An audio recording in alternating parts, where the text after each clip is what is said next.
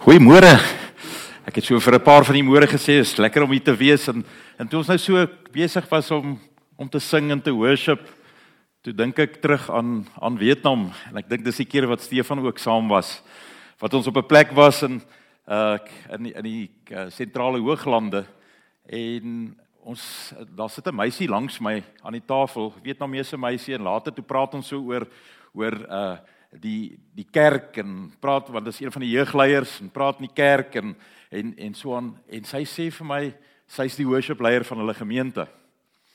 En later het ons 'n foto saam geneem en toe bietjie later toe praat ek met een van die kerkleiers en toe sê hy vir my, "Het jy gesien hoe lyk haar hande?" Ek het nie agtergekom nie, toe gaan kyk ek op die foto na die tyd staan die meisie so met haar hande sy sy maak haar hande toe as sy as sy gesels of by jou is of so. En toe sê hy wat gebeur het so 'n paar jaar terug het haar pa uitgevind dat dat sy 'n Christen geword het. En uh, hy het betaal of haar geleer om keyboard te speel. En toe sê hy as sy aanhou kerk toe gaan, dan sal daar konsekwensies wees. Sy moet dit stop. En sy het aangehou kerk toe gaan en toe het haar pa al 10 haar vingers gebreek. En daarom is haar hande krom en skeef. Dit het nie reg aangegroei nie en sy speel nog steeds die keyboard. Sy's nog steeds daar. Sy loof nog steeds die Here en dit gaan aan. En ons besef nie altyd die vryheid wat ons het in die kerk en wat doen ons daarmee en hoe tree ons op met die met dit wat die Here vir ons gegee het nie. Een van die ouens op 'n stadium by een van die seminare vra die die uh, een ou ehm um, ek ek gaan dit sommer in Engels lees. Um why does God's people allow, why does God allow a part of the body to suffer and the other part to be free? Hoekom laat God dit gebeur dat ons vanoggend in vryheid hier sit in 'n ander kerk kom in die geheim by mekaar? En een van die ouens so half tong in die kies eintlik sê hy en hy hy maak eintlik 'n grap, maar dit was so half die waarheid vir my gewees. Hy sê so that the other part of the body, dis nou die kerk, might remember what true Christianity is. En ek dink net weer terug aan een van die een van die boeties daar in in die, die Midde-Ooste wat ons hom vra, "Hoe kom jy deur hierdie goeters? Hoe hoe kan jy sterk staan?" En sy antwoord was kort en kragtig. Hy sê want Jesus is dit werd. Jesus is al hierdie goeders werd. En as ons nie bereid is om te sterf vir Jesus nie, sê hy, dan glo jy nie regtig wat jy glo nie.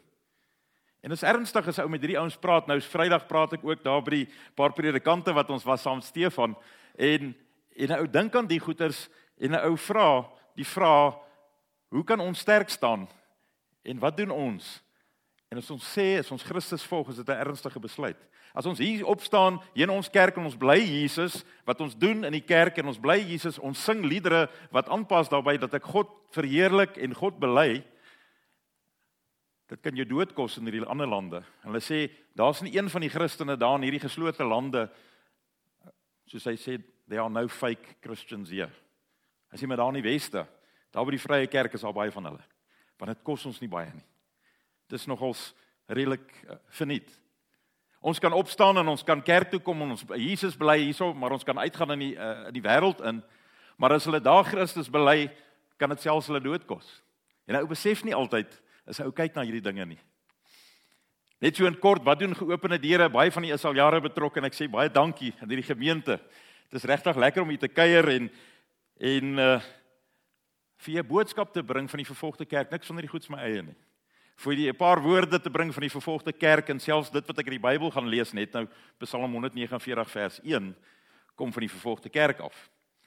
En geopende deure gaan soek die kerk in 'n land wat geslote is. Ons het die kerk gekry, rus ons die kerk toe om die werk te kan doen deur middel van ja in baie gevalle nog steeds Bybels in te smokkel en opleiding te gee die volgende ding disippelskap en al daai dinge deur te gaan en dan het ons projekte om hierdie ouens te leer om op hulle voete te staan. 'n Projek wat ons byvoorbeeld as ons kerkleiers oplei is 'n deel daarvan leer die ou om te kan swys byvoorbeeld. Iets in sy belangstelling, 'n kar kan regmaak, as dit 'n vrou is om hare te kan doen of selfone reg te maak of iets in daai lyn.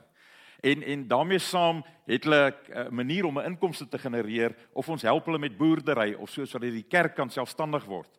Niemand in in in in meeste van die lande het die ouens nog nooit gehoor van geopende deure nie. Ons sê ons prys die Here. As ons in 'n plek kan werk en niemand weet van geopende deure nie, want dit is God wat dit doen. Dit niks met ons te doen nie. En dis maar nog meer in kort wat ons doen. Ehm um, en dan natuurlik kom ons na kerke soos u toe om die ja, seker uit te daag om die, om in te teken vir die nuusbrief, om 'n nuusbrief te kry om saam met ons te bid. Want dit is die minste wat ons kan doen, maar op die ou end is dit die meeste wat ons doen. Dis om te bid want gebed is effektief. Kom ons kom ons bid saam en dan dan gaan ek vir julle so 'n bietjie van 'n van 'n diens vertel wat een van my kollegas in was in die ondergrondse kerk baie jare terug. Kom ons bid saam. Vader, wat 'n voorreg om vanoggend in die huis van die Here te wees. U naam hardop te kan uitsing, uitbasyn hier bo op die kop. Ons kan hier buite staan en ons kan dit uitroep. Vader, gee dat ons elke oomblik wat ons het, elke oomblik wat U vir ons gee, dat dit 'n kosbare oomblik sal wees waar ons deur ons lewens, deur dit wat ek sê, hoe ek optree, ja, en selfs dit wat ek dink, U naam sal verheerlik. Want dis al wat ons wil doen. Ons is vanoggend hier omdat ons vir U lief is. U wat eerste gesterf het, ons eerste lief gehad het en gesterf het vir ons dat ons dit elke oomblik besef. En ons ook nou 'n getuienisse deel van die vervolgde kerk en net een vers uit die woord uit lees dat ons u ook daardeur verheerlik. Dankie Here as ons dink aan die kerk wat vervolg word, ouens wat in die tronke sit vandag en ouens wat self sal sterf. Dankie dat te midde van dit dat die kerk eintlik groei. Sien ons ook hier met groei in die kerk, groei met disippels wat 'n groot verskil maak ook in hierdie land. Ons bid dit in Jesus naam. Amen. So klompie jare terug. Ekskuus. So klompie jare terug was een van my kollegas in China gewees net nadat China oopgemaak het vir die eerste keer dat toeriste kan inkom. Ehm um, vertel die kollega van ons, vertel hy vir ons, hy's in hy's hy bly in Skotland en hy vertel van sy eie gemeente. Hy's ook 'n predikant. Hy vertel van sy gemeente partykeer hoe hy gesit het En as die worship aan die gang is, dan sê hy, "Oek, dan dink hy so in sy kop, "Joh, dis aan boring hierdie." En partykeer as hy daar in 'n diens waar iemand anders spreek of in sy eie gemeente, dan word hy op 'n kom hy op 'n punt, ou so gewoond aan dit. Dit is Stefan wat in die Sondagoggend hier staan en hy preek. En hy hy doen dit op 'n sekere manier en party ons begin dink, "Sjoe, dis dalk tyd ehm um, dat ons 'n nuwe predikant kry." Want ek raak nou gewoond aan hierdie die die stem en die eenvoud van die stem of die eentonigheid en die manier hoe hy lees en ag in die worship ag, ons raak gewoond daaraan, dit raak 'n bietjie boring. Of die dominee preek te lank of wat ook al die geval is, of die banke sit nie lekker nie. Uh in die in die somer sal dit lekker wees om 'n aircon in die kerk te hê. Ag, die beeld is baie keer vrot en die klank werk nie altyd lekker nie. Sjoe. Eintlik is ek nie meer lus vir hierdie gemeente nie. Eintlik is ek nie meer lus om kerk toe te kom nie. En jog, en nou is COVID ook nog daar. Nou kan ek COVID as 'n verskoning gebruik omdat ek nie kerk toe gaan nie. Een van my kollegas praat ons met hulle oor die COVID. Nou dis verlede jaar net toe dit begin het. Sê hy almal van ons sê kan ons teruggaan na die na die normale toe. Kan ons net teruggaan na dit wat ons gehad het. Dis wat meeste mense sê en dit was meeste, meeste mense wil hê. Ons sê prys die Here dat ons nie nooit ooit weer gaan teruggaan na normaal nie. Dit wat ons gehad het is verby. Dit sal nooit ooit weer dieselfde wees nie. En die ou sê prys die Here dat dit nooit weer dieselfde sal wees nie. En as ons dink daaraan, is dit amper soos wat die Here vir ons 'n boek gee en sê maak die boek oop, daar's 'n skoon bladsy, begin van nuuts af skryf. Hoeveel van julle het al gedink as ek my lewe kon oor hê, hoe sou ek dit anders gedoen het? As ek met my familie anders kon opgetree het, hoe sou ek dit oorgedoen het? Om kerk toe te kom, wat kan ek anders doen? Wat kan ek beter doen want ons is baie keer in 'n groef gewees en sê ons doen dit op hierdie manier. En en ek wil uit hierdie groef kom maar weens omstandighede en weens tradisies en weens wat ook al alles daar in jou gesin of by die werk of so kan ek net nie daar uitkom nie. En toe kom God met COVID en hy vee alles plat voor ons.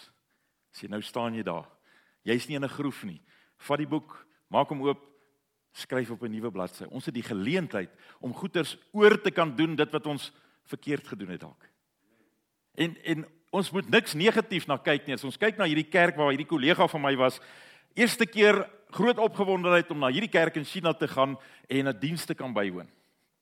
En hy vertel dat hy in die diens is, dis natuurlik in 'n bo vertrek, dis 'n onwettige byeenkoms en hulle sing en so 'n bietjie sagter en prewel en en partykeer sing hulle en daar kom nie 'n klank uit nie, hulle klap hande en hulle mimiek die woorde en so aan en en hy's verskriklik opgewonde om te hoor wat se tipe boodskap in in in hierdie kerk gepreek gaan word.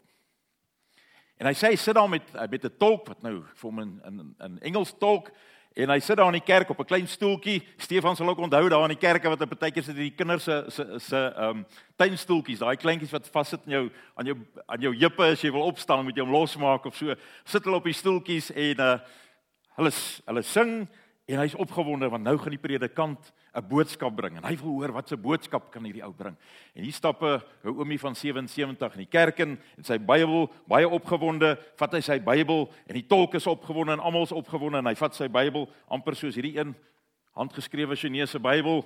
Uh vat want daar's nie ander Bybels op daai stadium gewees nie. En hy vat sy Bybel en hy's so opgewonde en hy begin uit die Bybel lees en hy lees die volgende vers. Nou my kollega het nog nie op daai stadium geweet wat die verse van die tolk gaan vir hom tolk. En hy lees die volgende vers: Sing vir die Here 'n nuwe lied. En toe begin hy en hy huil. Hy kan nie die vers verder lees nie. Hy staan aan die trane die loop en hy en hy snik soos hy huil. En so deur die trane en alles gaan hy aan met die vers en hy sê besing sy lof in die byeenkoms van getroue volgelinge. En hy huil en so tussen deur die huil lag hy. En die trane loop en hy lag en hierdie ou wonder wat is aan die gang want hy verstaan nie, hy weet nie hy lees uit die Bybel eers en die tolk sê net hy lees Psalm 149 vers 1. Hy lees dit, kyk, een die ouens spring op en hulle en hulle en hulle juig en saggies natuurlik en en en hy kyk rond en, en die ouens is opgewonde oor dit wat die pastoor besig is om te lees. En hy weet nie wat sy opgewonde dit oor nie. Hoekom huil die ou? En daar lees hy weer die vers. En is hierdie keer erger. Die ou is omtrent op die vloer en hy en hy huil. Hy snik soos hy huil en die gemeentelede huil en party ouens spring op en af en loof vir die Here. En die ou begin ongemaklik raak en hy begin eintlik geïrriteerd raak toe dit miskien al by die 5de of die 6de keer is wat hy dieselfde vers oorlees en dit is presies dieselfde optrede. Huil, lag, spring op en af en dis min of meer die trant van die diens. En hy sy westerse oog dink hy Wat 'n patetiese diens is hierdie. Ek het van ver gekom om te hoor wat doen die ondergrondse kerk en hier, hier lees hulle een vers en die ouens huil en hulle lag. Dis pateties. As ek by die huis was, het ek uitgestap. Ek kan nie dit nou doen nie. En na hierdie ding, ek het dit nou so 'n bietjie uit uitgerek en so eintlik om jou te irriteer. na die diens kom hulle bymekaar en toe leer hy een van die grootste lesse in sy lewe. Hy sit saam met die ouens daar. Hulle praat met die leierskap en hier kom die dominee in. En die ouens is van voor af in trane. En hulle begin bid en hulle loof die Here vir hulle predikant. En nog steeds dink hy in sy kop nogal pateties. En hy sê daar begin die oom praat. En hy vertel vir vir uh, amper sê ek vir Stefan, vir my kollega Ron, vertel hy vir hom dat hy so opgewonde is oor vandag. Hulle bid al jare vir hierdie dag, baie jare. Hy sê in die laat uh, 1950s het hy uh, gestudeer, hy klaar gemaak as 'n predikant en toe het hy sy eerste gemeente en hy was vir 6 maande in sy gemeente gewees en toe word hy in die laat 50s gearresteer. Hy eindig vir 20 jaar op in 'n strafkamp. En daar in die strafkamp het hulle hulle gemartel, hulle uh, groot traumas beleef en as gevolg van die trauma het hy redelik siek geraak en hy het sy stem verloor.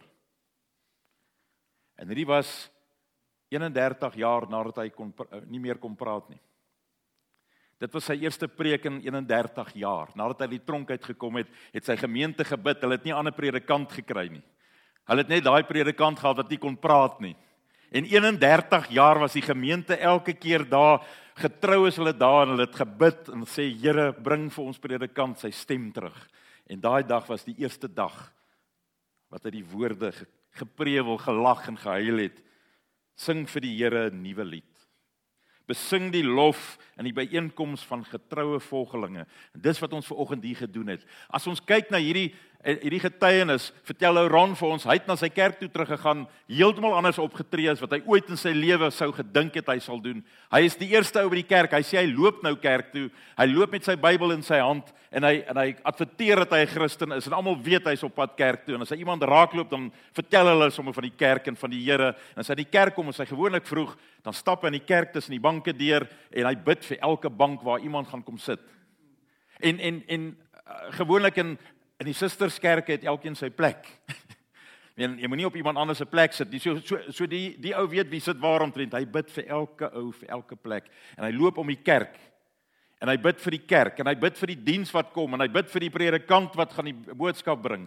En toe hy dit sê ook dink ek terug aan wat ou broer Andrew op 'n stadium vir ons gesê, uh, vertel het toe ons daar was. Broer Andrew vertel dat hy in Afghanistan was op daai stadium Toe sy daar en, en en hy sit met vier Taliban leiers of ex-Taliban leiers op daai stadium wat hulle na die Here toe gelei het.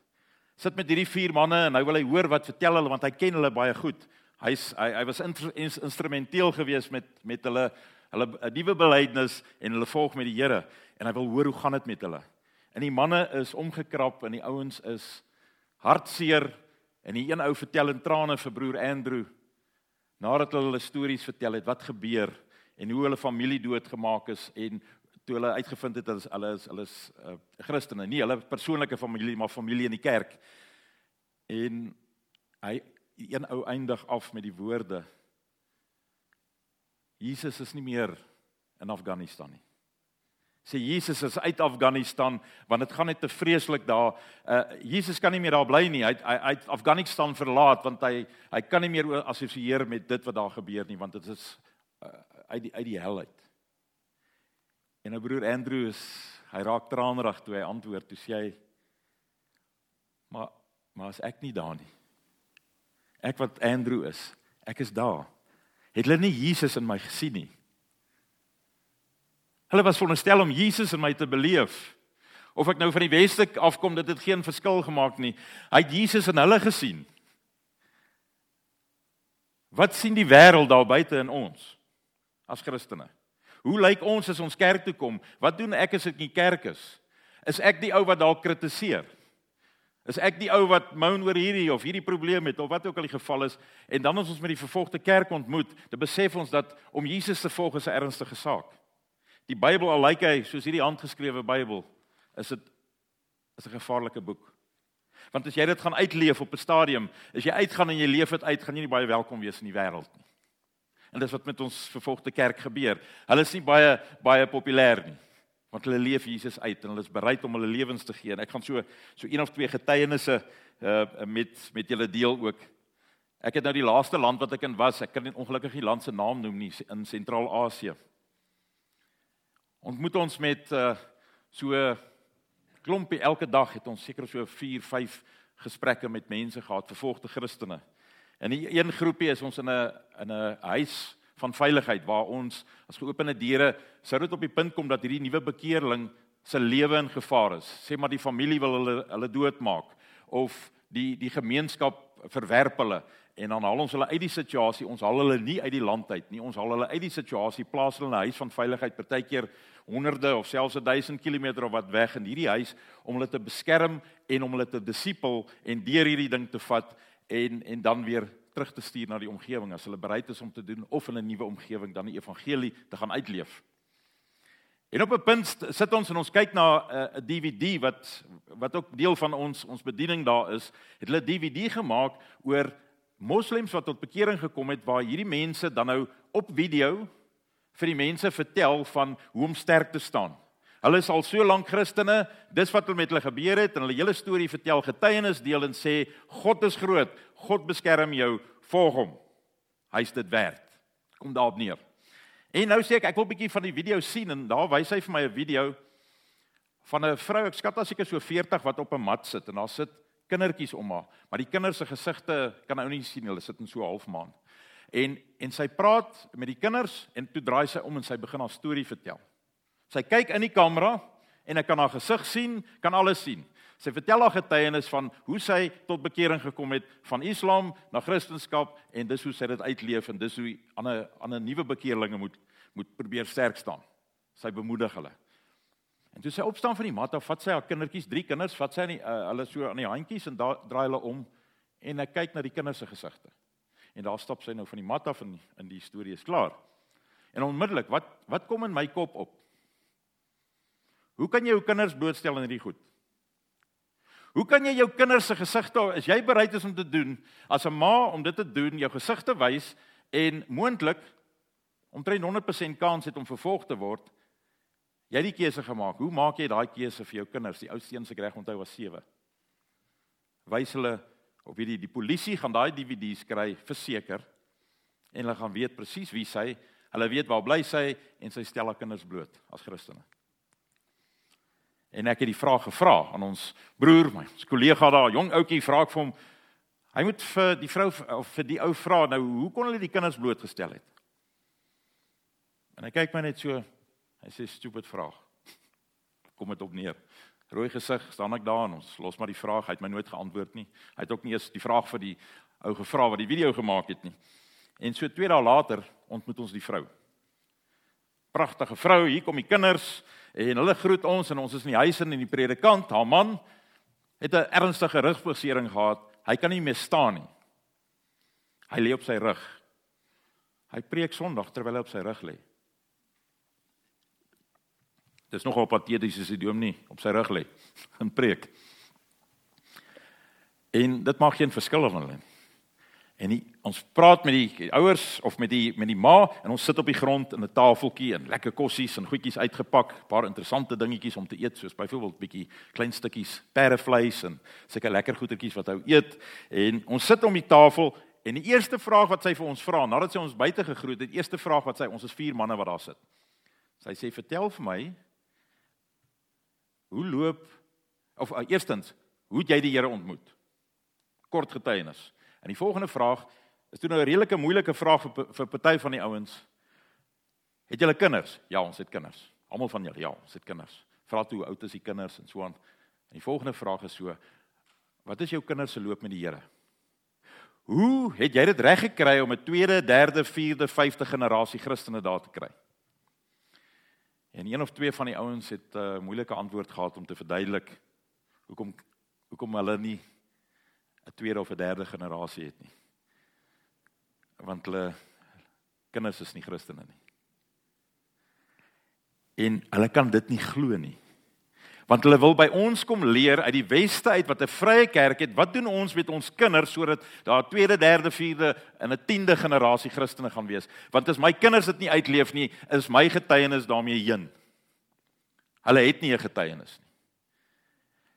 En ons het net weer daar besef die waarde van 'n jeugbediening, die waarde van Sondagskool, die waarde van om my kinders hier te hê, die waarde van om my kinders hier die Here te laat loof, dat hulle weet dis die enigste doel in die lewe wat ons ver oggend hier het, wat ons môre het en voorgebore is, is nie om die evangelie uit te dra nie. Dit is om Jesus se naam groot te maak. As ons dit doen in ons lewens, dan sal ons die evangelie verkondig. Ons sal alles doen want dit gaan nie oor my nie. Dit gaan nie oor enige iets, gaan nie eens oor my familie, dit gaan oor God. Dit gaan oor God se eer. En ek het weer die stupid vraag gevra. Hoe kan jy jou kinders blootstel? En die ou het my net gekyk, hy het my nie eens geantwoord nie. Ek weet nie hoekom het ek die vraag weer wou vra nie. Hoe kon jy jou kinders blootstel? Ek wil afsluit met 'n laaste getuienis ook uit uit hierdie land. In dieselfde huis van veiligheid is daar nog drie ander vrouens en die jong vrou begin huil toe sy haar storie vertel. Toe sê sy sy's nie baie lank 'n Christen nie. En sy het haar getuienis met haar met haar twee broers gedeel. Ouer broers, sy's die jongste. Dat sy 'n Christen geword het. En op daai punt het die broers haar verskriklik aangerand, haar geslaan en sy het gedink Ek wag net tot pa, pa by die huis is. My pa sal my beskerm. Ek's my pa se oogappel. En die pa het aangekom en sy was verheug dat haar pa daar is. Hy gaan na broer stop om haar te slaan en te skop en te kere te gaan. En toe haar pa haar getuienis hoor, toe het haar pa aangegaan. En op 'n punt gekom wat haar pa so aangerand het dat hy vir haar gesê het ek sal seker maak dat jy nooit kinders in jou lewe hê nie. En dit het haar so aangerand dat sy nooit kinders meer sal hê nie. Ek wil nie vertel wat het hy met haar gedoen nie. En daar vertel sy in trane hierdie storie en dit is die prys wat sy betaal het. Sy het dit sou haar lewe gekos het. Sy het alles net so gelos, sy het gevlug, sy's in die huis van veiligheid. En dan word hulle tussen die trane deur is die woorde gewoonlik op 'n sekere manier kom dit op dieselfde ding neer. I've done it because Jesus is worth it. Is Jesus dit vir jou werd? Is Jesus dit vir jou werd om op te staan terwyl jy siek is of iets in my familie gebeur? Is Jesus dit werd om te getuig daarvan om op te tree soos Jesus sou opgetree het om nie te kla daaroor om te sê God is in beheer, my God is soewerein en God weet wat hy doen. Ek weet nie. God is groot. Ek kan nie dink wat moet God dink nie. My brein is te klein. God weet die beste. Wat ook al, God is soewerein. En die drie vrouens, daar sit drie ander vrouens en die volgende vrou begin haar storie vertel. Ek gaan net kortliks haar storie deel. Nou toe sy inkom het sy heeltyd afgekyk en sy het kom sit en sy het afgekyk en ons het sit voor haar. Nou ons ken hulle van geen kant af nie, is 'n moslim land. Dis net vrouens en hier sit vier mans met 'n jong tolk. Hy hy ken hulle nou. Dis ons werker daar in die land. Sy ken ons van geen kant af nie. Dis 'n ongemaklike situasie en hier sit die vrou en sy begin haar storie vertel en sy vertel dat sy in die land word die vrouens ontvoer meeste van die tyd. So hulle ontvoer, jy jy gaan soek vir jou vrou dan ontvoer jy haar en dan trou jy dadelik met haar en dan sê jou vrou. Dis soos op 'n Saterdagmiddag braai jy en kyk rugby en as die rugby klaar is dan sê die ouens vir jou maar hoekom het jy nog nie 'n vrou nie? Wat is jou probleem? Sê maar hy sou graag 'n vrou wil hê. Sê wel, hoe, hoe vinnig? Sê maar enige tyd. Spring die man in die kar, ry daar verby die mall en sit in die kar en sien, "Ag, oh, daar is 'n mooi meisie." Ek soek haar. Dan spring die manne uit die kar uit, gryp die meisie, gooi aan die kar en vanaand is hulle getroud. Wettig. Meeste van die die vrouens is daar ontvoer en hulle het hulle het dan nou hulle is getroud. En die vrou vertel dat sy ook ontvoer is. Hulle probeer dit stop sit in die land, maar dit is nog steeds, die ouens doen nog dit nog steeds. En hy vertel of sy vertel toe, sy's met 'n moslim man getroud en sy is 'n Christen. Sy het as 'n Christen groot geword en hoe hy hy haar terug probeer bring uit Islam toe. Sy was nooit 'n moslim nie, sy's gebore as 'n Christen. Haar pa en ou of ouers was Christene. En hy het haar so aangerand op 'n stadium uit die uit die huis uit geskop en gesê sy's niks werd nie, hy stel nie meer belang daarin nie in haar nie en later het hy vir haar gesê kom terug na 'n paar weke en sê het jou les geleer. En sy het nog steeds Christus uitgeleef en so het dit vir jare aangegaan. Sy het drie kinders en die oudste seun dink ek is 26 as ek reg onthou en die jongste is 'n dogter van hierdie tieners. En uh uiteindelik het het haar so aangerand dat sy hartprobleme ontwikkel het. Sy kon nie meer werk nie. Sy kon nie meer 'n inkomste genereer eers nie. 'n Jong, ag 'n pragtige vrou. En sy sit op die grond en terwyl sy kyk op die grond terwyl sy sit en praat, loop die trane dat so blink van hierdie blink teel teelvloere dat die trane daar op die vloer gelê het. En ons almal het daar gesit en haar aangestaar en sy vertel hierdie intieme goedes wat met haar gebeur het aan vier vreemde mans. En ek ook weer bietjie voorbarig sê ek wil vir jou iets sê en ek stuur haar half ek onder onderbreek haar storie. Sê ek wil vir jou iets gee en ek wil vir haar woord uit die Bybel gee en ek wil te veel praat. En ek vat die Bybel en ek sê kan ek gou vir jou iets sê en die tolk stop aan sê nee ek wil net gou iets sê en daar wil ek uit die woord uit vir iets iets uh bring en die volgende oomblik bars ek in trane uit en ek sit daar en ek huil net ek kan nie 'n woord uitkry nie en ek stamp my kollega langs my Ou Leon, stamp hom langs my. Hy moet nou iets sê, want ek kan nie praat nie. En hy weet nie wat ek wou sê nie en daar sit hy, daar begin hy ook huil.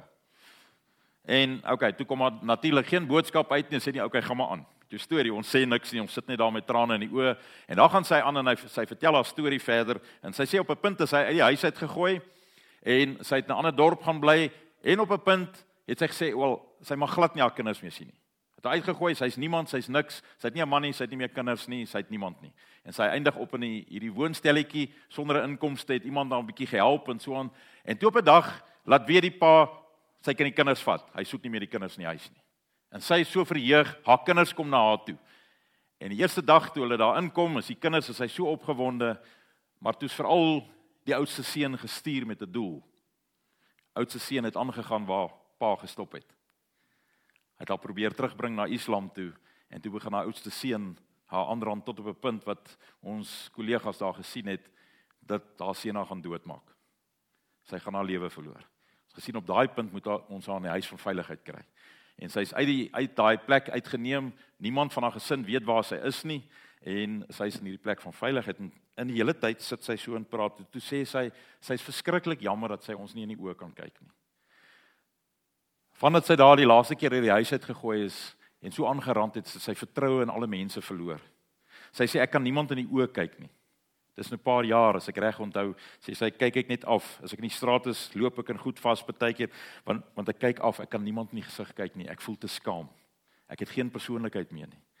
Dit voel of ek alles verloor het. En daar sê ons goed, ons sal vir haar bid en ek is toe nou weer eerste in die ry en daar kry ek nie 'n woord uit nie. Ek huil, ek dink daar was meer trane op die vloer as voor die vrou en ou Leon langs my selfe storie. Bid jy en sit en huil en die derde ou sit en huil en die vierde ou bid Daarom ietsie so tussen die trane deur. En vriende, toe ons opkyk, toe kyk sy ons in die oë. Kyk sy ons in die oë en sy sê Jesus het my genees deur julle trane. Hier kom vier vreemde mans van 'n land af wat nie my ken nie, wat nie my storie gehoor het nie. Julle hoor my storie en julle julle die harte, julle huil. Daar's iemand, eerste mense, vreemde mense wat ek ontmoet in my lewe wat simpatie het met my met my storie. Behalwe nou die ouens daar, maar ons ken af van geen kant af nie. God gebruik 'n ou vier ouens se trane om 'n vrou te genees. Partykeer weet jy nie wat om te bid nie. Partykeer weet jy nie wat om te sê as jy by iemand is wat jou daai tipe storie vertel of by 'n siekbed staan nie. Partykeer moet jy net stil bly en huil. God weet, God is soewerein. Ek sluit daarmee af. Ek sê wil wil ook sê in die kerk. Ek sê uh, Vrydag ook vir die ouens, een van die pastore toe ons klaar gepraat het oor sy kerk wat deure gesluit is en die ouens hulle dop, hulle hulle moskeeë oor kan die straat, het hulle die luidspreker uh, daar by hulle venster kom insit. So terwyl hulle preek, skree hulle die shada hardop en die ge, ge, gebedsroep in die kerk. So hulle kan omtrent nie kerk hou nie. en hulle hou nog steeds kerk. Die kerk gaan aan, maak nie saak wat nie. En uh, hy sê net vir ons, later het ek uitgevind dis iets wat Spurgeon gesê het. You must stop entertaining in your churches. You must stop entertaining the goats and start feeding the sheep. En dis in baie van ons kerke is die ons probeer die mense van buite af kry met allerlei wêreldse goeders. En dan moet ons net besef ons moet nie die mense hê God vir hulle gee. Ons hoef niemand te lok met die wêreld nie. Dit snaakse programme om hierdie ouens te lok nie. Voed die skape. Die bokke moet self kom kyk, hoe is dit om God te leef in die kerk? En daarmee sluit ek af. Weer met die versie wat ons broer daar gelees het en half geïrriteerd was, maar na die tyd dink hy anders, jy praat anders. Goed, was my versie. Daar sê sing vir die Here 'n nuwe lied. Sing vir die Here 'n nuwe lied. Elke lied is nuut. Sing dit asof jy dit nog nooit gesing het nie. Uit volle bors uit. Besing sy lof in die byeenkoms van die gelowiges of die volgelinge van God. Dit is hoekom ons hier is. Dit gaan nie oor my boodskap nie. Dit gaan nie oor Stefan se boodskap nie. Dit gaan nie oor jou boodskap nie. Dit gaan oor God se boodskap. Elke boodskap is 'n boodskap van die lewende God uit sy lewende woord. Kom ons bid saam.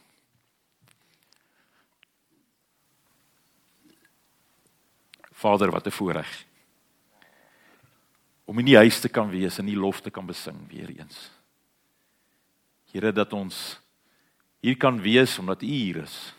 Dat ons hier is om U te ontmoet en dat ons nie net U hier ontmoet nie, maar dat ons U op elke oomblik, elke plek kan ontmoet waar ons is want U is in ons, deur ons en U praat deur ons as ons dit toelaat. Vader, dat ons dit sal doen. As U Gees ons dring om iets te doen of te sê dat ons dit doen, dat ons gehoorsaam is daaraan. En Vader, want ons weet U werk in ons, U is in ons, U werk deur ons dat ons nie soos broer Andrew die vraag hoef te vra, maar was ek nie daar nie? Want ek is daar en as ek daar is, is U daar. Vader, dat ons elke oomblik van die dag U kan uitleef. Die wonderwerke kan aanskou van U handewerk dat niks deur my myne sal wees nie dat dit u sin sal wees dat my woorde die woorde van die lewende God sal wees Want dit is niks anders wat ek kan doen nie, is om U uit te leef, U uit te spreek, U uit te skree, Vader, U is groot, U is goed, is die rots waarop ons wil bou. Elke oomblik. Seën hierdie gemeente dat hulle hier op hierdie koppie 'n lewende baking sal wees vir die wêreld daar buite, nie net in die kerkgebou nie, maar ook buite. Gebruik elkeen op 'n magtige manier van die kerkleierskap af tot die jongste kind. Dankie Vader. Dankie vir hierdie geleentheid. Ons eer U. Ons bid dit in Jesus naam. Amen.